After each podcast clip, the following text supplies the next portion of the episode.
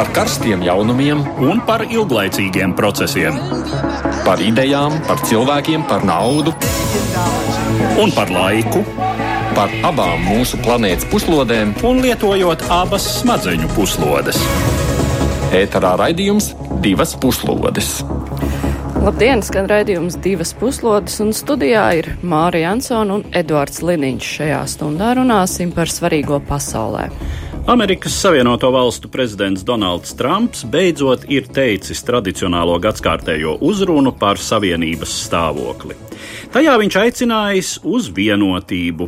Arī abām lielajām partijām esot jāvienojas, jo tikai tad iespējami panākumi. Nespēja vienoties par budžetu bija iemesls daļējai valdības darba apturēšanai, arī pēc tam, un arī tam, kā aizkavējās prezidenta ikgadējā uzruna. Trumpa vēstījumu analizēsim pēc brīža. Otrs mūsu temats būs pāvesta Franciska vizīte apvienotajos Arābu Emirātos. Tā ir vēsturiska, jo Arābijas pussalu katoļu baznīcas galva apmeklē pirmoreiz. Pāvesta Franciska ierašanās Emirātos tiek uzskatīta par soli uz plašāku starp reliģisko dialogu reģionā. Kopā ar mums šodien studijā ir žurnālisti Andris Kārkluvalks no, no portāla Delfi. Labdien! Un brīvžurnālists Joris Kaža. Labdien! Bet vispirms par dažām citām aktualitātēm. Itālija atteikusies sekot vairāku citu Eiropas Savienības valstu piemēram un atzīt Venecuēlas parlamenta spīkeru Juanu Gvaido par pagaidu prezidentu. Itālijas koalīcijas valdībā pastāvošo domstarpību dēļ Roma pirmdien nobloķēja kopīgu Eiropas Savienības paziņojumu Venecuēlas jautājumā. Itālijas populistiskā piedzvaigžņu kustība pauž bažas, ka piespiežot Maduro pamest prezidenta amatu, Venecuēlā izraisīsies haoss, kāds jau pieredzēts vairākās tuvo austrumu valstīs. Ukrainā uz prezidenta posteni pretendē 30 kandidāti. Pieteikšanās termiņš uz šo amatu ir noslēdzies. Viens no pēdējiem oficiāli savu kandidatūru izvirzīja pašreizējais prezidents Petro Porošenko. Socioloģiskajās aptaujās gan viņš ir tikai trešajā vietā. Viņu apsteidz bijusī premjera Jūlija Timošenko un Volodimirs Zelenskis, kurš Ukraiņu televīzijas seriālā atveidojas prezidenta lomu. Krievija arvien pastiprina savu militāro potenciālu Kaļiņgradas apgabalā, taču NATO spēku klātbūtne mazina iespējamību, ka Maskava iedrīkstēsies uzbrukt Baltijas valstīm. Par to teikts Lietuvas izlūkdienesta ikgadējā ziņojumā par apdraudējumiem nacionālajai drošībai. Izlūkdienesti norāda, ka militāro aktivitāšu pastiprināšanās Krievijas poligonos, kas atrodas Lietuvas robežu tuvumā, negatīvi ietekmē drošības vidi un palielina arī nejaušu incidentu risku. Bet Lielbritānijas valdībā ir plāns, kā evakuēt karalieni Elizabetu II un citus karaļnama locekļus, ja nu valstī izceltos nekārtības pēc Brexit. Par to ziņo laikraksts The Sunday Times. Valdība karalienes evakuēšanai pielāgojas plānus, kas tika izstrādāti augstā kara laikā Padomju Savienības kodolu uzbrukuma gadījumā. Oriģinālais evakuācijas plāns tātad izstrādāts 1962. gadā pēc Kubas raķešu krīzes. Tagad tas pārveidots. Tomēr, kā vēsta laikraksts, nav garantija, ka nemieru gadījumā karaliene vispār piekristu evakuēties. ASV un Ziemeļkorejas amatpersonas sākušas gatavot abu valstu līderu tikšanos. Tā notiks februāra beigās Vietnamā. Par plānoto tikšanos Trumps paziņoja savā igadējā runā par stāvokli valstī. Abu valstu līderi pagājušajā gadā tikās Singapūrā. Viņi parakstīja kopīgu dokumentu, kurā Ziemeļkoreja apņēmās strādāt pie atteikšanās no kodola ieročiem. Tomēr šis process ir iestrēdzis. Un par Trumpa uzrunu ar to mēs arī turpināsim un pieskarsimies vēlāk arī gaidāmajām samitām tiešām starp ASV un Ziemeļkorejas prezidentiem.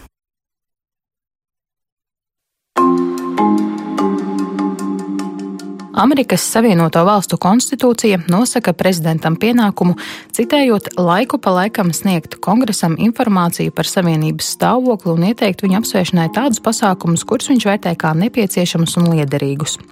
Pirmais, kurš uzrunāja pārstāvju palātas un senāta apvienoto sanāksmi, bija pirmais ASV prezidents Džordžs Vašingtons 1790. gada 8. janvārī. Viņa piemēram sekoja arī nākamais prezidents Džons Adams, taču trešais prezidents Tomas Jeffersons šo praksi pārtrauca, uzskatot, ka tā pārāk atgādina monārhu troņu runas. Pēc tam vairāk nekā gadsimtu prezidents savu konstitucionālo pienākumu izpildīja rakstiski. Likumdevējiem to nolasīja kāds administrācijas pārstāvis, un arī pašu uzrunu saturs bija lielākoties sausi statistisks. Tradīciju katru prezidentūras gadu uzsākt ar personisku ziņojumu likumdevējas kopsapulcei 1913. gadā atjaunoja prezidents Vudro Vilsons, kuru citu starpā atceramies kā Latvijas vēsturē nozīmīgo 14 punktu tautu pašnoteikšanās tiesību nozīmīgākās deklarācijas autoru.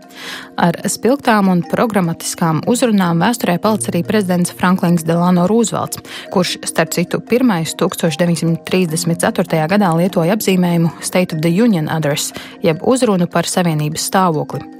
Procedūra paredz, ka uzaicinājumu prezidentam uzstāties kongresā nosūta pārstāvju palātas spīkers, taču kongresa un prezidenta budžeta pretstāvis un valdības iestāžu finansējuma apturēšanas situācijā uz spīkeres Nencijas Pelosi uzaicinājumu prezidentam Trumpam nācās pāris nedēļas pagaidīt.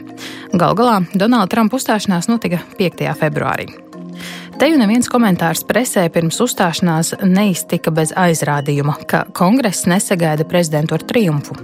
Konflikta situācijai budžeta sakrā ir rasts vien pagaidu risinājums, un pastāv iespēja, ka administrācijas iestāžu finansējuma apturēšana var atsākties. Demokrātu partijas dāmas, kuru likumdevēja rindās šajā sasaukumā ir vairāk nekā jebkad agrāk, jau otro gadu ierodas šajā notikumā ģērbtas baltā. Šī krāsa tiek asociēta ar 19. un 20. gadsimta mijas šufražistu, sieviešu politiskās emancipācijas kustību. Šādi tiek pausts vērtējums kabineta politikai un paša prezidenta individuālajai stājai, kurā var saskatīt vīrišķā šovinismu akcentus. Nekas gan neliecināja, ka šī saspringta atmosfēra kaut par nieku iespaidotu prezidenta pašpārliecinātību un oratoru spējas. Pozitīvo ekonomikas un sociālās situācijas rādītāju uzskaitījums un vispārējais Savienoto valstu varenību apliecinošs tēzes lika vienoties ovācijās kā prezidenta politiskiem atbalstītājiem, tā oponentiem. Tomēr pēc tam, kad uzruna bija sasniegusi tradicionālo kulmināciju ar frāzi State of the Union is strong, mūsu savienības stāvoklis ir spēcīgs un turpinājās ar konkrēto politikas aspektu iztirzājumu, zāles reakcija arvien biežāk kļuva dalīta. Pa kreisi no tribīnes republikāņu frakcijas rindās ar entuziastiskām ovācijām tika uzņemta atkal jau paustā apņēmība celt aizsargbūvis uz robežas ar Meksiku, apgalvojums, ka bez Trumpa ASV šobrīd jau karot ar Ziemeļkoreju un jaunumi par ieplānoto nākamo tikšanos ar priekšsēdētāju Kimu plāns uzsākt sarunas ar Talibanu kustību Afganistānā un viss pārējais prezidenta teiktais. Tikām pa labi, kur atrodas demokrātu frakcijas vietas, tie paši izteikumi tika uzņemti ar vīpsnājošām vai nīgrām grimasēm. Trumps pirms uh, uzrunas un kādu laiku pirms bija solījis, ka tā būs aizraujoša. Tad tā bija aizraujoša gal galā šī uzruna. Vai? Uh, to bija ļoti interesanti vērot. Un tas pirmais iespējas, kurā es sev pieķēru, bija tāda skaudība par to, cik tomēr prasmīgi sarežģītā politiskā situācijā, cik izturēti, cik pašpārliecināti, zinot visu kontekstu, Savienoto valstu vadītājs izturējās šīs uzrunas laikā. Un, nu, Ļoti gribas cerēt, ka esošie un topošie Latvijas politiķi eh, laiku pa laikam paskatās Savienoto Valstu prezidentu State of the Union, tāpat arī droši vien Eiropas Savienības līderu uzrunas un pamācās. Jo par spīti sarežģītai situācijai tur nebija nekā, ko varētu salīdzināt ar, eh, teiksim, kas es esmu. Nu jā, zinot eh, ASV prezidenta vēlēšana kārtība grūti iedomāties, ka tur vispār varētu nonākt uh, kāds cilvēks, kurš neprot runāt atšķirībā no uh, varbūt uh, dažām citām atšķirībā valstīm. no dažām citām valstīm. jā, bet, uh, Mums zināmā. Jā, viena lieta ir forma aizraujoša un kāds izstījās arī saturs, tad bija tik aizraujošs tāda bumba, kas tika gaidīta. Saturs, man liekas, vietām bija vienkārši jau atmaskots kā, nu, gluži varbūt nepilnīgi patiesa. Tur ir daži tie skaitļi, daži tās, tās situācijas, tur ne, ne, par visu to ekonomisko izaugsmi un, un uzplaukumu bija mazliet pārspīlētas, un arī, arī jāskatās, ka daudz no tā, kas noticis pēdējā pusotra gada laikā, ir īstenībā jau tikai jā, tādas pozitīvas atraugas no Obamas laikiem, ne, kas ir iesāktiem procesiem. Tad. E, mēs arī redzam tādas lietas, ka, piemēram, ja ir kaut kāds ekonomiskais kāpums bijis zināmās industrijās, tas tāpēc, ka šīs industrijas, piemēram, uzkrāja tēraudu bailēs, ka viņām nogriezīs tagad eh, piegādes uh, no Ķīnas un, eh, un, un, un šādas lietas. Un pieļaujot iespēju, ka to varēs izmantot mūra celtniecībai. Jā, jā, nu tas gan. jā. Un vispār viss tās tā, tā mūra būšana, jā, kura rezultātā 800 tūkstoši Amerikas pilsoņi lojāli valsts darbinieki palika bez algas, bez darba. Eh, daži pat eh, devās bez, bez algas, teiksim, vienkārši strādāt, lai kaut vai izsmeltu. Gadījumu un pa, pagaidu darbos. Nu, daži devās pagaidu darbos, tāpēc, ka viņiem nebija jāierodās darbos, bet tie, kas ieradās darbā, tie to darīja vienkārši aiz pienākumu apziņas. Eh, kaut vai tie bruņotā vienība, kas Mr. Stone saņēma cietu, vai ne, tagad jaunākā tru, Trumpa skandāla izmeklēšanas sakarā, bet skaidrs, ka Eh, nelegālā imigrācija nelien pāri eh, robežām kaut kur tūkstneša vidū.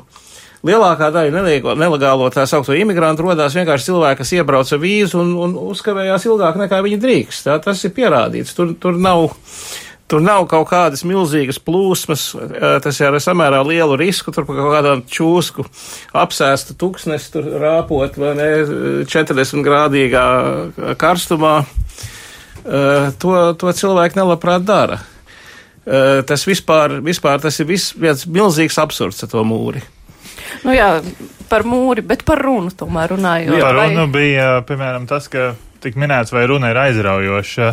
Tas ir, vai patīk eh, skatīties uz Trumpa oratoru spējām, bet šīs pieminētās piepušķošanas faktu ziņā, nu tā jau savā ziņā taisnība, šie fakti bija pozitīvi, un tie ir pozitīvi arī patiesībā, bet šie cipari ir citi. Attiecīgi tā jau te ir robeža, vai tā ir piepušķošana, vai tā ir melošana, ņemot vērā, ka viņš atsauc uz faktiem.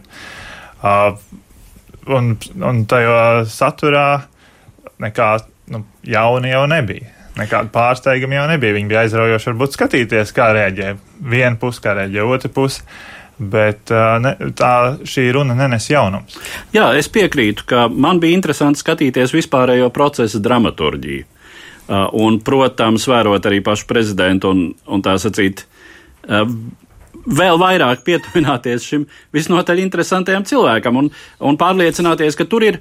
Um, nu, tur ir, protams, ļoti daudz populisma, kas arī atklājās tā, tās runas saturā un uzbūvē. Nu, piemēram, uh, šī interesantā nianse, ka runājot par uh, jau piesaukto un, un alažu piesaukto imigrācijas un apdraudētās dienvidu robežas problēmu. Tātad šoreiz Trumps ķērās pat pie tādas retorikas, ka lūk, Amerikas politiskā šķira, kas ir pārtikusi un var atļauties līdz ar to dzīvot paši aiz mūriem un apsargātās teritorijās, uzkrauj šo problēmu Amerikas darba šķirai. Tātad, un vēl vairākos momentos Trumps sev, protams, pozicionēja kā Amerikas vienkāršo cilvēku, kā darba šķiras interešu aizstāvi. Tajā pašā laikā turpat līdzās ir retorika par to, ka Amerikā nekad nebūs sociālisms, kas ir netieši mājiens uz dažu kongresmeņu rosinātiem likumdošanas grozījumiem, kas paredz palielināt nodokļus tieši turīgajiem, pret ko Trumps, protams, un viņa administrācija ir rokām un kājām pret.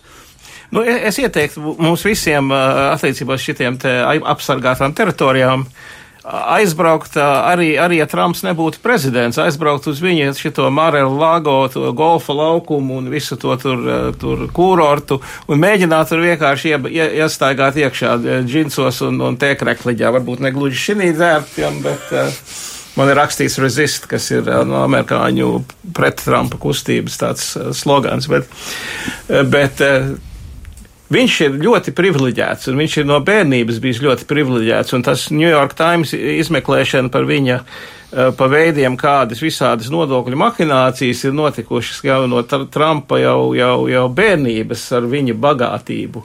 Katrā ziņā viņu ieliek šīs augstākās bagātās elites aprindās un viņam runāt kaut kā, ka viņš aizstāvētu strādājošo interesu Amerikā ir pilnīgs nonsens. Nu, nekā jauna, nekā jauna šajā pasaulē. Kā zināms, latviešu bolševiku vadītājs Pēteris Stučka un uh, pamatšķiras dzēnieks Jānis Rainis. Abi bija turīgu saimnieku, mūžu rentnieku dēli. Nu jā, galvenais, lai ir pareizs sejas izteiksme. Uzbrukums sociālismam arī ļoti viņam viegli var izdoties, jo tas ir jau no augstākā laikiem. Nu, sociālisti ir slikti, praktiski komunisti, bet to viņš vērš pret jebkādām sociālām pārmaiņām, jebkādām, jebkādu sociālo atbalstu. Nu, jo tas tā. visu reiz tiek iezīmēts kā galējais, galējais sliktais. Un nevis. tas, protams, ir reverants republikāņu partijai, kurai ir, ir divi tradicionālie motīvi, kuri arī tika tā sacīt reveransēti šajā uzstāšanās reizē. Proti, viens jautājums ir lūk, jeb nostarību kādu kreisumu, un otrs ir jautājums par abortiem. Tātad uh, valdībai ir tiesības un pienākums kontrolēt uh, šo sievietes izvēli, uh, un nepieļaut, nu, kā tas šajā gadījumā tiek. Tas uzstādījums ir nepieļaut vēlus uh, abortus salīdzinoši vēlā grūtniecības stadijā. Nu jā, par sievietēm mazliet vēlāk, bet uh, zinot uh, situāciju, kādā ir Amerika, ka nav izdevies tā arī vienoties par budžetu, vai bija kaut kas tāds, ko no viņa gaidīja, kaut kādus risinājumus, un ko viņš nepateica, vai arī neviens necerēja, ka viņš šeit nāks ar kaut kādu nu, mazliet izlīgumu vai kā? Es neesmu dzirdējis, ne, neesmu lasījis nevienu kādu analītiķu viedokli, kas no Trumpa gaidītu pārsteigums.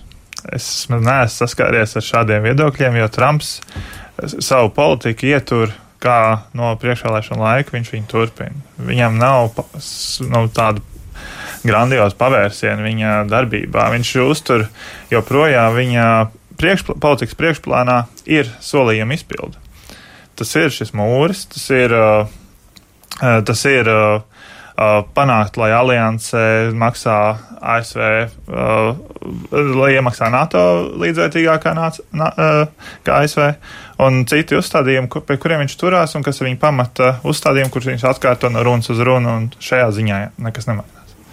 Nu, zināms, pārsteigums jau bija tas, ka viņš vispār, teiksim, notika tās pirmās sarunas ar Ziemeļkoreju, jo visu laiku jau izskatījās, ka viņš, viņš runāja par uh, raķešu vīrelīti, nu, kā varētu tulkot Rocketman, jā, un, un, un, un šādi visādi, teiksim, nicinoši izteicās par Ziemeļkorejas uh, vadību, tad viņš arī solīja, ka tur būšot uh, elle un uguns un, un vēl nezinu, kas tur notikšot viņiem, ja viņi pacelšot roku pret, pret ASV. Un tā pēkšņi viss aizbrauc, visi lieli draugi. Un, eh, un tas man arī kaut kur sit cauri, tas, ka, ka, ka Trumpam ir, ir tāda, tā, tā, viņš tā pievelkās diktatoriem. Jā, jā. Viņš arī slavēja Ķīnas, Ķīnas vadītājs, Ķīnas uh, prezidents, viss kārtībā. Tas, ka Ķīna, protams, un to neviens nenoliedz, ka tur ķīnieši ir uh, nesamērīgās tirzniecības attiecībās ar ASV bijuši zaguši visu, ko tikai varēja zakt un tā tālāk, bet, bet, bet tā pēkšņi uh, Ķīnas vadītājs viņam ir čoms tāpatās kā kā Korejas uh, diktators. Nu, tā kā jūras, tāpat, tā kā, kā, tāpat kā Krievijas līderis. Jā, arī. Jā, bet jā. tā kā jūras pieskārās uh, Ziemeļkorejas līderim, mums ir iespēja tagad sarunāties ar Mārtiņu Hiršu. Viņš ir drošības un strateģiskās pētniecības centra pētnieks. Uh, sveicināti, Mārtiņ, vai jūs mūs dzirdat? Jā, sveiki. Jā, tad šis te ASV un Ziemeļkorejas līderu samits, ko no tā gaidīt? ja pilnīgi godīgi ar Trumpu nevar prognozēt īsti neko. Nu, viņš ir haotisks. Pat viņa paša ģenerāļi un diplomāti ļoti bieži ir bijuši pārsteigti par Trumpa paziņojumiem. Nu, piemēram, Trumps paziņo iesim no Sīrijas. Un ASV administrācijas atslēgas cilvēki, kas strādā ar Sīriju, nezina par šo Trumpa paziņojumu. Un līdzīgi arī pirms tam, kad viņš pirmoreiz tikās ar uh, Kimu Čenu, nu, uh, viņš paziņoja, ka pārtrauks lielākās ikgadējās mācības ar Dienvidkoreju. Uh, ne Dienvidkorejieši, ne ASV administrācija tam nebija gatava. Bet tajā pašā laikā nu, var mēģināt kaut ko ieskicēt. Nu, pirmkārt, Trumpam vajag nu, kaut ko vairāk saturu šajā tikšanās reizē. Iepriekšējā nu, viņi sarunāja, ka Ziemeļkur atbruņosies, dzīvosim draudzīgi. Nu, bet nekas tā fundamentāli nav mainījies. Ziemeļkorejā nav viņa īpaši apbruņojusies, kodola programma viņā joprojām ir, raķetes ir, nu nekas tā īsti nav panākts. Un tagad vienkārši tādu, tādu lozungiem ar tādiem saukļiem to Trumps vairs nevarēs pārdot kā tādu vieglu uzvaru, lai savus reitingus uzlabotu vai savu tēlu paspodrinātu. Vajadzēs jau kaut ko daudz, daudz vairāk nekā, nekā pirmajā reizē. Bet tajā pašā laikā Trumps jau īsti nepiekrīt, ka nav progresa. Nu, Trumps uh, noteikti skatās uz uh, pasauli daudz citādāk nekā pētnieki vai, vai tie, kas analizē lietas. Uh, nu, tur par progresu Ziemeļkorejas kodola programmas nezinu, teiksim, apturēšanā vai mazināšanā nu, tur īsti nevar runāt. Nu, urānu viņi turpina bagātināt, raķetes viņiem ir, jā, labi, viņi nešāva tiks, tā kā, nu, viņi nešādās raķetes, viņi nerunā nav tā teikt, tā kara kurināšana, kas bija, uh, kad Trumps tika ievēlēts, jā, noteikti, bet uh, nu, tiksim, tas, ka Ziemeļkoreja atbruņotos vai denuklearizētos, nu, absolūti noteikti tā nenotiek. Protams, Trumps mēģina pārdot, ka reku viss cenāzes, viņš unikāls, labāks, dižāks nekā visi pārējie līdz šim. Bet tas ir tas, kas visu laiku noticis. Ziemeļkoreja pakāpeniski ir bruņojusies pēdējos 20 gados, laikam laik kaut kāds samits, kā kaut kas tiek panākts, nu, sarunāts, bet rezultāts īsti ir nu, nekāds. Un Trumpam tieši tas pats, ka viņš kā nu, nu, ir sarunājis, kad atbruņos uz Ziemeļkoreju, bet nekas reāls no Ziemeļkorejas puses netiek veikts. Bet kā vērtējami, cik pamatot ir Trumpa izteikumi, ja ne viņš, ja ne viņš neveidotu attiecības ar Ziemeļkoreju, tad būtu pavisam jau sliktas attiecības, vismaz karš? Nu, Trumps lielā mērā bija tieši tas cilvēks, kurš uh, to, to kara draudus tuvināja ar savu retoriku. Viņš mēģināja uh, radīt saspīlējumu. Nu, ir dažādi iemesli, kāpēc viņš tā darīja, bet uh, tās arī bija tikai runas. Nenotika nekāda ASV masveida spēku pārvietošana uz Japānu vai Dienvidu Koreju. Trumps jā, teica, ka tas uh, Kims ir raķešu vīrs un teikt, raķetes tur gatavs tēmēt un viss pārējais. Nekādas reālas uh, teikt, darbības, nu, teikt, kas tuvotos karām starp Ziemeļkoreju un ASV, nu, tur reāli nebija. Uh, neviens racionāls ASV prezidents ar Ziemeļkoreju nekaros, uh, jo tas būtu nereāli asiņaini iznīcināt tirdzniecības ķēdes visā pasaulē. Nu, Dienvidu Koreju izpostītu. Dienvidkoreja piegādā tur monitorus, te tehnoloģijas, nu, atstāt iespēju ne tikai to reģionu, bet visu pasauli. Ziemeļkoreja savukārt neuzbruks pirmā, jo nu, tā būtu pašnāvība Ziemeļkorejai. Neviens racionāls līderis nu, negrib izdarīt pašnāvību, neviens racionāls cilvēks to negrib darīt. Tāpēc Ziemeļkoreja arī nu, visdrīzākais nekad neko tādu agresīvu nedarīs. Uh, tas, kas bija nu, gan no Ziemeļkorejas puses, gan no Trumpa puses, katram savu motivāciju bija karš vārdos, uh, nekāda reāla, tā teikt, milzīga. Uh, nu, tāda nu, kara um, iespējamība nebija. Nu, tagad jāstāsta, protams, nu, teikt, Trumpam pēdējā mēneša laikā reitingus, ir pagājuši ar to visu to ASV valsts uh, aparāta nestrādāšanu. Nu, viens varētu būt, ka viņš mēģina pacelt reitingus. Tagad ir kaut kas sarunās, forši paziņojumi, uh, nu, viens variants. Otrs, nu, varbūt tieši pretēji, Trumps var izrēķināt, ka viņam ir izdevīgs kaut kāds konflikts, viņš var paslikt attiecības ar Ziemeļkoreju, pasliktināt. Uh, Jo nu, vēlēšanas nāk, parasti tie kara prezidenti vai konfliktu prezidenti saliedē tautu sev aiz muguras. Kā, nu, tur grūti prognozēt, kādu stratēģiju Trumps izvēlēsies, jo nu, kas, kas viņam būs izdevīgāka. Paldies, Mārtiņš Hiršs, drošības un strateģiskās pētniecības centra pētnieks. Viena lieta, kas te izskanēja, ka nu šoreiz vajadzētu būt kaut kādam rezultātam pēc uh, sarunām ar Ziemeļkorejas līderi. Bet... Pieminēja, ka nepieciešams saturs. Jā, bet šajā bet... gadījumā Trumps ir parādījis to, ka viņam nekad īsti satur nav, saturs nav vajadzīgs, viņam vajadzīgs simbols. Būs kaut kāds simboliski uzspridzināts bunkurs vai simbolisks uh, rokas spiediens, kas apliecina, jā, mēs šoreiz izdarīsim to. Viņam pat nevajag panākt līgumu, kā mēs redzējām, nevajag parakstītu līgumu panākt. Viņam pietiek ar šo simbolu, ko viņš pēc tam var izmantot savā retorikā tūl, tūlītēji, jo viņš ir prezidents, kas atšķiras no visiem citiem, kurš patiešām to izplata tūlītēji savai auditorijai tā, kā viņš to vēlas pēc tam, kas, kas tiek skaidrots jau pretējais, tas patiesībā viņa elektorātu pārāk neinteresē. Man liekas, ka, ka nesen arī bija ziņa, ka ASV izlūkdienestu augstākie ierēģi visi uzskata, ka, teiksim, ka tur nav nekas liels ar to Koreju noticis, un, un, un viņi pilnīgi, teiksim, pat pretojās Trumpa politikai un, un Trumpa apgalvojumiem, ka nu viss būs labi. Jo viņiem ir tā informācija, viņiem ir tie līdzekļi, ko viņi var novērot, kas tur notiek un ko mēs esam redzējuši, teiksim, tā saka, publiskā telpā. ir ka kaut kāds tur, tur dūmu mutulis un triecienu vilnis izšaujās no kaut kādas, es nezinu, kas tā kaut kāda sikspārņu ala bija, vai tā bija kodola ieroču glabāto, mēs nezinām, vienkārši tādu šovu var uztaisīt jebkurš. Uh, un, uh, un, uh, protams, es, es piekrītu tam, ka Ziemeļkoreja tur viņi nav pilnīgi vaiprātīgi cilvēku rokās, viņi neizdarīs pašnāvību. Uh, Dienvidkoreja arī būs samērā piesardzīga un atturīga, jo viņi negrib, lai tur Seulu puši, pusi no, nodemo, izdemolē, teiksim, pāris stundu laikā, tur varbūt nekas nenotiks, bet nav jau tā, ka nebija, tur bija, tur bija vairāk amerikāņu smago bumbedēju pārlidojumi Dienvidkorejā, tuvu robežai, tieši viss šitās te asās krīzes laikā, kur kuri bija domāti, un varbūt agrāk notika bez kaut kādām fanfārēm, bet kura bija domāta atgādināt uh, ziemeļiem, ka, ziniet, zēni mēs varam būt, uh, teiksim, pusstundā klāt ar attiecīgo kravu, ko mēs varam uzgāzt jums virsū, vai ne tā? Nu, uz šī fona tomēr ir notikusi zināma tuvināšanās, kur gan atkal, protams, absolūti nav teikts, ka tā nav tikai pārējoša epizode, bet tomēr tuvināšanās starp Korejas ziemeļiem un dienvidiem. Un tomēr tiek runāts, ka iespējams varētu tikt beidzot parakstīts miera līgums.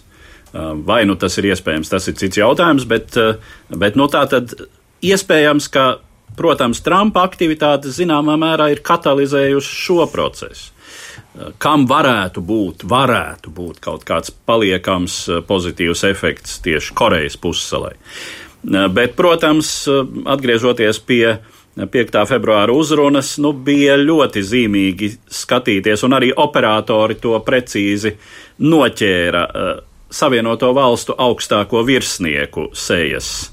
Viņi arī sēdēja tai pusē, kur demokrāti, un sēdēja pirmajās rindās šie vīri ar uh, četrām, trīs un četrām zvaigznēm uz uzplečiem, un viņu sejas sevišķi tad, kad Trumps runāja par to, ko viņš grasās darīt tojos austrumos, ka nu viņš tagad beidzot vedīs mūsu zēnus mājās, un mēs beigsim, un, un lielas valstis neizkaro nebeidzamus karus un tā tālāk un tā tālāk.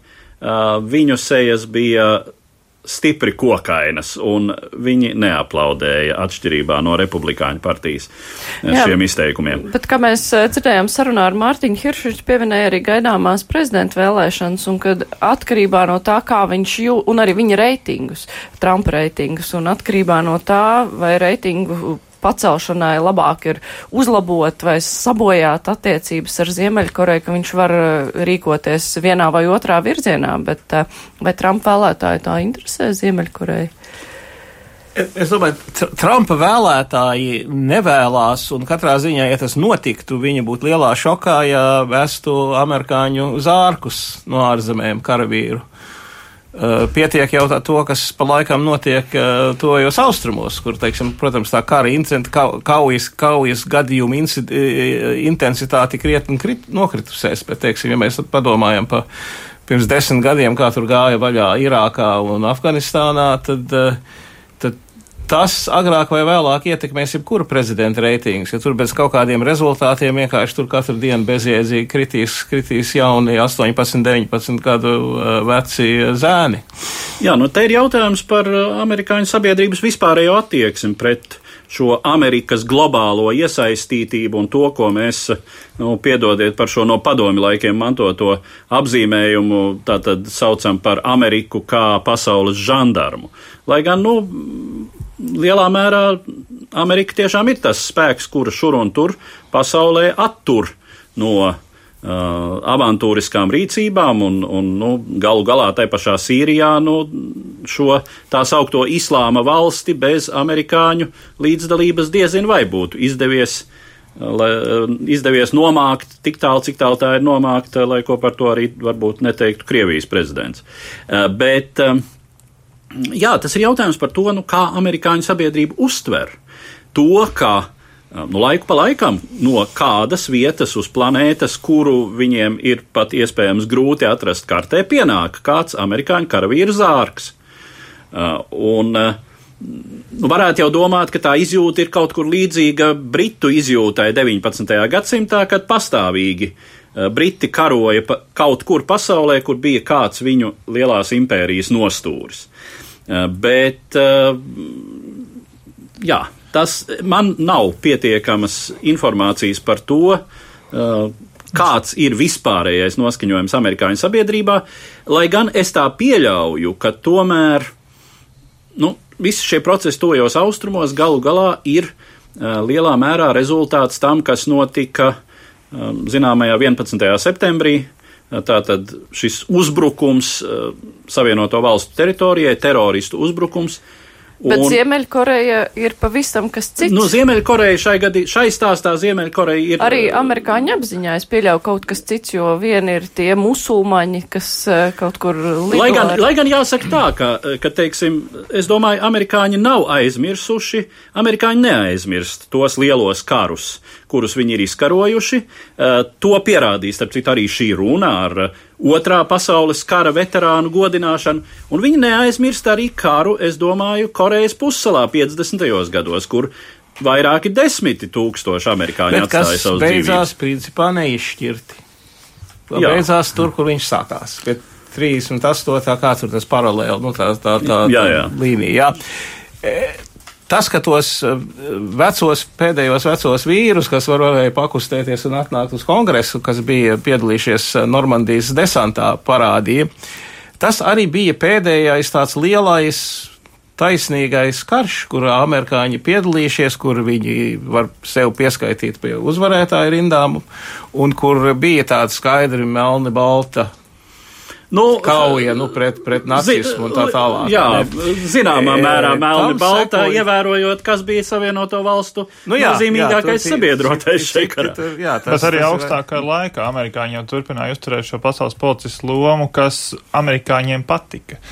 Un patiesībā šī loma zaudēja savu vērtību pēc iebrukuma Irākā, kas, ko, kur tomēr šī te leģitimitāte tā arī netika rasta, un amerikāņu tā saprat par to, es... vai šis karš ir. Eh, šis nu, ir droši vien arī par augstāku ar periodu ir ļoti nē, dažādi nē, etapi. Es tagad ierunāšos mazliet kā vecjaunietis, kas tās lietas atcerās. Es domāju, to leģitimitāti zaudēja Vietnamu. Jā. Un to es ļoti labi atceros, ka tur, ka tur, tur pilnīgi tur bija, tur bija tāds tik trauksmains stāvoklis, tur bija katru pavasaru universitātēs, tur, tur, tur ārdījās cilvēki, ieskaitot manā universitātē, tur cilvēki muku uz Kanādu, tur cilvēki dedzināja savus tos iesaukšanas dokumentus. Jā, jo bija obligātais iesaukums. Jā, jā tur bija, tur daudzīja logus, tur viss, kas notikās, un, un, un tas bija, tad, tur zaudēja pilnīgi leģitimāti. Un, ja paskatās šito te sēriju, ko to Ken Burns dokumentālo sēriju par Vietnams karu, tad tur bija briesmīgi liela visāda melošana tautai notikusi, un tur arī, tur arī savu leģitimitāti zaudēja Amerikas politiskā vadība, kas bija viņus un viņu, viņu bērnus, tā sakot, tādā purvā ievilkuši. Jā, bet noslēdzot uh, sadaļu par uh, Trumpu uzrunu, tomēr par sievietēm. Vai tur uh, bija demokrāta sievietes, kas bija ģērbušās baltā, bet vai uz Trumpu vispār tādas lietas atstāja kaut kādu iespaidu? Nu, es domāju, ka tādas vizuāli ļoti tveramas un publiski ļoti uzskatāmas lietas atstāja gan. Un droši vien, kā jau rēķinoties ar šo, jo šī jau ir otrā reize, kad demokrāta dāmas nāk ģērbtas baltā. Uh, Trumps bija ieplānojis uh, un tā sacīt savā scenārijā ierakstījis nu, dziļu reveransu šai, tieši šai zāles daļai un ar uzsvaru uz to, ka šajā kongresā ir ievēlēts tik daudz sieviešu, cik nekad iepriekš, un tas notiek simts gadus pēc tam, kad Savienoto Valstu kongress vispār ir piešķīris sievietēm balstiesības. Eh, nu, tas, ko prezidents, protams, aizmirsa pieminēt, ka eh, tad, ja arī republikāņu pusē visas dāmas būtu uzvilkušas vienādas krāsas tērpus, tad tur viņu būtu krietni mazāk, jo nospiedošā vairākumā tieši demokrātu senatoris un uh, pārstāvu palātas loceklis ir ievēlēts dāmas. Bet uh, Edvards minēja, ka viņa runā bija ierakstīts reverants šīm dāmām. Viņš pats raksta runas. Es domāju, ka nē. Viņam ir, ir to Bet tā bija viņa ideja to izdarīt. Nu, to es nezinu. Nu, pilnīgi noteikti viņam ir ļoti profesionāli sabiedrisko attiecību, komunikācijas un visi iespējamie cita veida konsultanti. Par to nu mēs varam nešaubīties. Uh, neatkārtojot tās ārkārtīgās rupjības, ko viņš ir izteicis uh, publiski sievietēm, kas ir redzētas ierakstos. Uh, es domāju, ka viņa, viņa uh, šovinista, rupekļa un jākļa tēls uh, nav Eh, teiksim, viņš ir noslēpies, bet viņš nav mainījies. Tādus vārdus ir pieklājīgi teikt radio eterā, es domāju, vai ir, bija jāizrāda. Lat, latviešu, latviešu tulkotajā literatūrā tos lieto jau apmēram uz, kopš 1955. gada. Tā ka droši jāklis drīkst teikt šajā studijā. Jā. Attiecībā uz to, lai viņš raksta runas, šeit nebija nekāda pārsteiguma, kas liktu sākt kādam. Visticamāk, š, šo runu viņam palīdzēja rakstīt kā minimums. Arī iedeva ideju par to, ka vajag reveransu sievietēm. Jā, jā, nu pilnīgi noteikti, bet kā jau var, var tikai atkārtot kolēģi teikt to savu pamat tēlu, viņš ar to diezin vai glābs to acīs, kuriem šis tēls nepatīk. Uh, droši vien atkal jāatkārtojas, acīm redzot, lielai daļai Trumpa vēlētāju un iespējams arī dažām viņa vēlētājām. Šis tēls ir paprātam. Nu, un par vienotību runājot, kad tad, tad draud, nē, nevis draud, bet kad tad var gaidīt, nu, kad beidzot tad viņi runās ar uh, demokrātiem vienotāk. Nē, nu to, un vienotība jau tika gaidīt. norādīta arī kontekstā ar izmeklēšanām, kas tiek Šis galu galā bija Trumpa. monologs.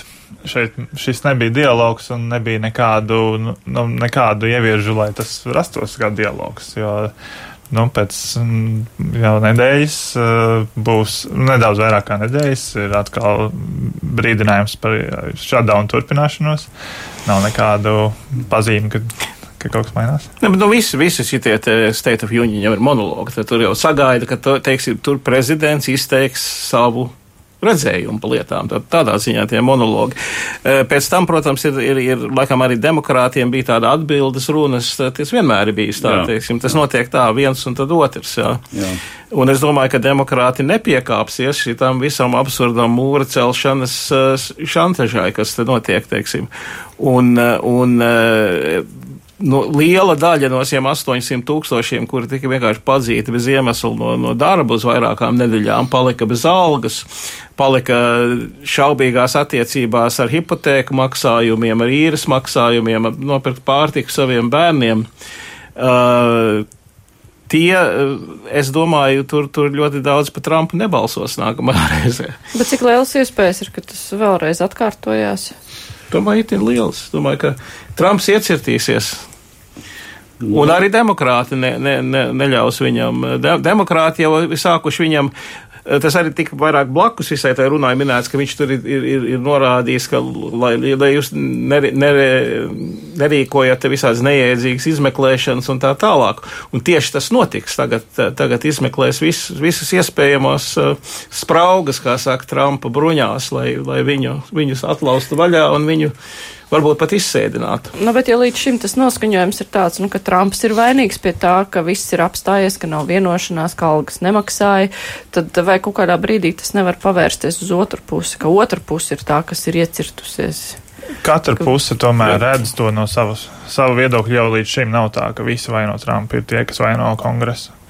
Un tāpēc tas visticamāk arī turpināsies, un Trumps turpinās apelēt. Jā, krītās kopējais Trumpa reitings, bet republikāņu vidū tas krītās stipri mazāk. Man, es pat, es pat man, man ir man pat cienījami eh, latviešu, Amerikā dzīvojuši Amerikas pilsoņu latviešu izcelsmes eh, Facebook draugi. Tur Trumpam draudzīgas lietas ieliek un, un, un lamā, eh, teiksim, kongresu un Nancy Pelosi un visus tos it kā. Tas nav, nav tā, ka, nav tā, kā tur būtu viennozīmīgi visi nostājušies Eh, teiksim, pret Trumpu šajā jautājumā. Eh, un tas arī viens simptoms, ka Amerika ir varbūt vairāk sašķelta nekā viņa ir bijusi kopš 60. gadiem. Tad minēja, minēja to laiku, ka bija Vietnams karš un visi tie trači, un tagad ir atkal kaut kas tam, tam līdzīgs, tā, tā, tā, tas sabiedrības noskaņojums, tas savstarpējā, savstarpējais eh, pretstāvēšana un pat naids. Jā, nu pirmā faktiski iepriekšējā reize bija uh, Džordža Buša juniora laikā, kad uh, notika zināmais un šeit piesauktais iebrukums Irākā. Uh, Tad, tad pirmo reizi tāda izteikta plaisa starp uh, demokrātiem un republikāņiem, tā sacīt, Amerikas zilo un Amerikas sarkano daļu. Bet šobrīd... Otrais iebrukums ir Irākā, ne jau? Jā, otrais, jā, tieši tā, otrais iebrukums. Ne, ne tas, kas notika 91. gadā. Tā tad pilnīgi noteikti, ka nu, teiksim, līdz šai uzrunai daudzi cerēja, ka Trumps ir sapratis, ka viņš kongresu nepielauzīs. Uh, un Trumps piekāpsies, bet šajā runā izskanēja, nē, es uzcelšu to mūri. Un mans mūris būs labs un pareizs un darīs to, kas tam ir jādara. Nu, līdz ar to, kas to zina? Kas to zina par spīti visiem visiem riskiem, kas ir uh, šai valdības darbā apturēšanai, uh, finansējuma apturēšanai, iespējams, ka pēc, jā, pēc septiņām dienām jā, mēs Pie, varam. 15. sāksies visi prieki atkal. Jā, visi prieki jā, jā, var atkal izskat, sākties. Izskatās, ka divās puslodēs nāksies runāt vēl un vēl par šo tematu, bet mums šeit ir uh, jādodas uz Arābijas pussalu. Tieši tā. Pie pāvesta. Šī gada 3. februāris ir diena, kad Romas pontifiks pirmo reizi vēsturē spēra kāju uz Arābijas pussalas zemes. Pirmo reizi katoļu baznīcas galva ieradās pasaules daļā, kas pirms 14 gadsimtiem kļuva par islāma šūpuli un centru, no kura šī reliģija izplatījās tojos austrumos, Āfrikā un tālāk pasaulē.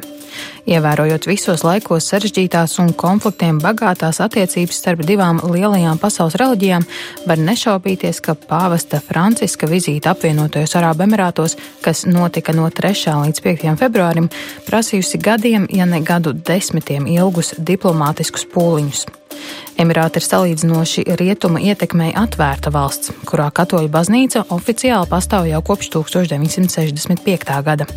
Atšķirībā no kaimiņos esošās Saudarābijas, šeit atļauts celt baznīcas un noturēt kristiešu dievkalpojumus. Spriežot pēc reportāžām, uzņemšana abu dabī notika ar pienācīgo godu un vērienu, lai neteiktu pompu kavalērijas eskortu, artilērijas salūta zalvēm un iznīcinātājiem, kur iezīmēja debesīs baltas un dzeltenas vērpetes Vatikāna karoga krāsās.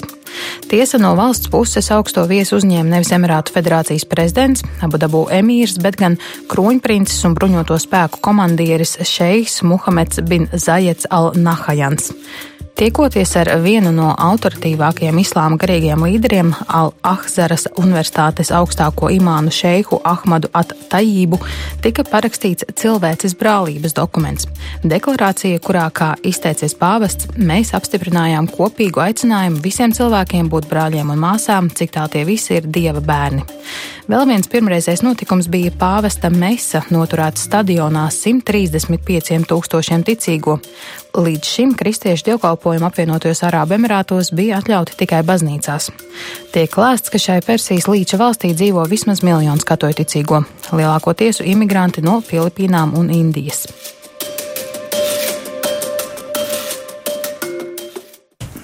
Es atgādināšu, ka studijā šobrīd kopā ar mums ir portāla Delfi žurnālists Andris Kārkovalks, arī žurnālists Juris Kāža, bet vispirms mēs telefoniski varam parunāt ar Latvijas Universitātes teoloģijas fakultātes profesoru Valdi Tēraudkalnu. Labdien! Labdien! Jā, kādēļ šī pavesta vizīte Arābijas pussalā ir tik nozīmīga ar savu pirmreizēji, o, oh, diemžēl mums atslēdzās. Es ceru, ka producents sazvanīs vēlreiz. Bet jautājums tas pats, ar ko šī vizīte ir tik nozīmīga vai ar savu pirmreizējību? Nu, tieši tā. Tātad Arābijas pussalā. Arābijas pussala ir tā pasaules daļa, kurā islāms izplatījās vēl pravieša Muhameda dzīves laikā. Un lūk, pirmo reizi katoļu baznīcas galva spēr kāju šajā nu, islāma epicentrā, kur atrodas visas galvenās svētvietas, kur, kur islāms ir bijis neapstrīdāms, kur daudzās valstīs tas joprojām ir vienīgā atļautā reliģija. Teiksim, Saudārābijā, kurai ar apvienotiem Arābu Emirātiem ir gara robeža, tās ir divas tuvākās kaimiņu valstis, tur nekāda citu reliģiju klātbūtne vispār oficiālā līmenī nav iedomājama. Tas ir krimināls sodāms. Bet uh, kurš bija iniciators? Nu, Vai grūti, nē, nu, droši, droši vien, eh, kā jau tas izskanēja šajā materiālā, tātad kopš 1965. gada katoļu baznīcai ir atļauts darboties eh, apvienotajos Arābu Emirātos. Un cik var noprast, tad turienes katoļu garīdzniecība ir ļoti centusies, lai tas notiktu. Nu, un ir zināma pretimnākšana no uh, Emirātu valdošo aprindu puses, te ir jāņem vērā viena interesanta lieta. Apvienotajos Arābu Emirātos 12% ir šīs valsts pilsoņi, un tātad tur dzimuši arābi. Visi pārējie ir dažādos laikos iebraukuši viesstrādnieki.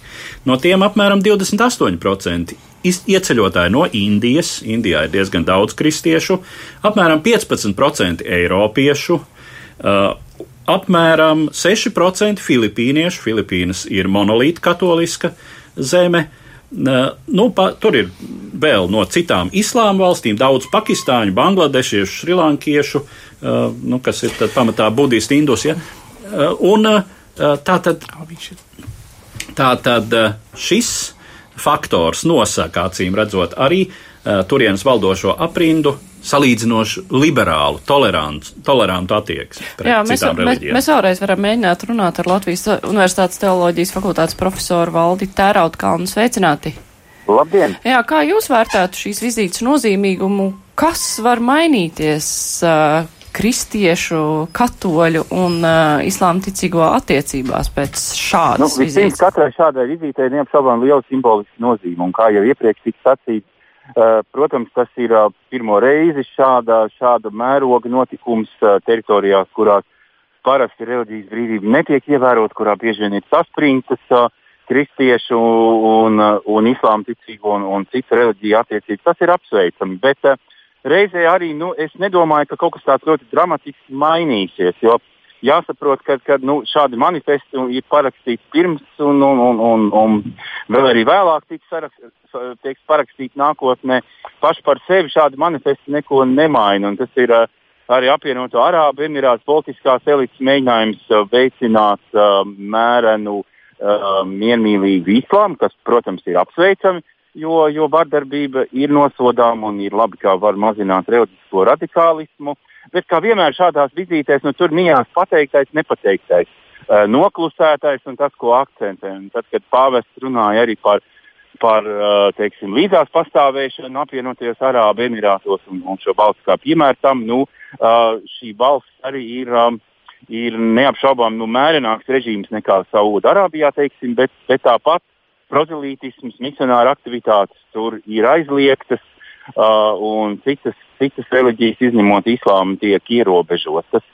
Uh, un vēl viens aspekts, protams, ja, ja runā par, par, par šādu sarunu ietekmi, ir jāsaprot, ka islāms ir daudz, daudz fragmentētāks nekā, nekā katoļu baznīca. Islāms nav centralizēts un, un, un protams, uh, dažādiem islāma, islāma līderiem un, un novirzieniem varētu būt dažādas reakcijas un dažādas atbildes uz, uz, uh, uz šajā, šajā tikšanās reizē runāto. Jā, bet uh, kā attiecības ar musulmaņiem veidojās, ar uh, šīm musulmaņu valstīm veidojās iepriekšējiem pāvestiem Benediktam, Jānim Pāvelam II, ja mēs runājam par nesenajiem pāvestiem? Uh, nu, jā, Benedikts, uh, vi, viņš, viņš kādā situācijā uh, tur neveikli izteicās. Tas vēlāk tika skaidrots, ka tas ir, tas ir pārpratums. Šīs, šīs attiecības iepriekšējiem pāvestiem arī uh, nav, nav bijušas vienkāršas ar islāma kopienām. Neapšaubāmi Francisks ir pazīstams ar, ar to, ka viņš uh, veido tiltus starp, starp kopienām, starp cilvēkiem, ka viņš akcentē dialogu. Viņš, viņš māca to darīt mēdījiem saprotamā, draudzīgā veidā, un, un tas, protams, ir apsveicams un tas ir tas uh, jaunais pavērsiens, kāds, kāds nav bijis agrāk. Paldies! Mēs runājam ar Valdu Tērautkānu, Latvijas universitātes profesoru. Um, Bet te ir divas lietas. Viena ir kristiešu situācija šajās te islāma valstīs, cita lieta ir musulmaņu situācija rietumu valstīs. Protams, rietumu valsts ir daudz tolerantākas, bet ja pāvests dodas veidot šīs te starp reliģiju attiecības, par ko viņš vairāk domā par mūsējiem, ja mēs sev pieskaitam pie kristiešiem tur, vai otrādi, otrādi jau diez vai? Ko Mēs, viņi dara šeit? Es domāju, ka te jāstāsta divos līmeņos. Viens ir, kad viņš pārstāv valsti, samērā mazu valsti, varbūt mazliet lielākā radionāma teritorija, un plus uh, doma laukumu, tas ir Vatikāns. Un tāpēc arī viņi uzņēma šis valsts uh, šeiks, bruņoto spēku komandieris Nahajāns, kuru uzvārdu var arī nesmuki izrunāt. Uh, un, uh, Uh, tas ir viens līmenis. Otrs ir, ka viņš brauca pie saviem ticības brāļiem. Un es domāju, ka tas pūlis, kas salasījās uz viņa uh, dievkalpojumu, uh, nebija mazāks, varbūt pat lielāks nekā salasījās Aglonā, kur mūsu valstī arī katoļi ir liela minoritāte. Un arī citās valstīs, kur viņš ir bijis, kur nav, kuras nav, teiksim, simtprocentīgi vai deviņdesmitprocentīgi katoļticīgas valstis. Ja. Tā to var skatīties. Tāpēc viņš tur bija, lai, lai, lai šie cilvēki arī varētu redzēt savu baznīcas galvu, baudīt viņa svētību, svētīšanu, ko, ko nu katrs tur izjūt, aiziet uz šiem lieliem pāteriem. Vai, ne, bet, uh, vai tas uzlabos starp reliģiju attiecības, grūti teikt, jo jau no 65. gada tie piecietuši, ka tur katoļu baznīcas ceļi un tā tālāk, tajā tās attiecības ir bijušas samērā liberālas priekš tās uh, pasaules daļas. Jāatzīmē, ka apvienotajos Arābu Emirātos šis gads ir tolerants gads. Uh, tas arī ir tāds simbolisks uh, mājiens, ka mēs šeit neesam. Tas ir tāds simbolisks mājiens rietumiem un rietumu politiķiem un rietumu sabiedrībām, ka mēs uh, neesam sliktais, is, sliktie islāmisti, ka mēs esam pasaules daļa, ar kur jūs sadarbojaties. Mēs redziet, esam, mēs sadarbojamies ar kristiešiem, mēs sadarbojamies ar jūsu valdībām. Galu galā mums ir kopīgas militārās koalīcijas, mums ir ekonomiskas intereses. To ļoti spēcīgi dara kaimiņu valstī Saudārābijā jaunais kroņprincis Salmans, bet jā, šeit paliek šī monolītā islāma ticība un, un pāvests tur nav aicināts, bet apvienotie Arābu Emirāti šobrīd dara ko ļoti līdzīgu, lai gan viņi jau tā jau ir atvērtāki. Bet, Jā, un, protams, ka visa situācija tojos austrumos, kas ir uh, pēdējās desmitgadēs būtiski destabilizējusies, kur uh, faktiski visi šie leģitīmie uh, arābu un, un citu islāma valstu režīmi, um, nu varbūt izņemot Irānu, uh, izjūt zināmu tramīgumu um, ekstrēmā islāma priekšā, un līdz ar to uh, uh, ir atvērtāki, ir atvērtāki šai saskarē. Nu, uh, dialogs, tas starpreļģiju dialogs, kuru mēģina īstenot um, katoļu baznīca, nu, tas jau ir uh, tomēr samērā ilgs process, vismaz kopš 19. gadsimta vidus.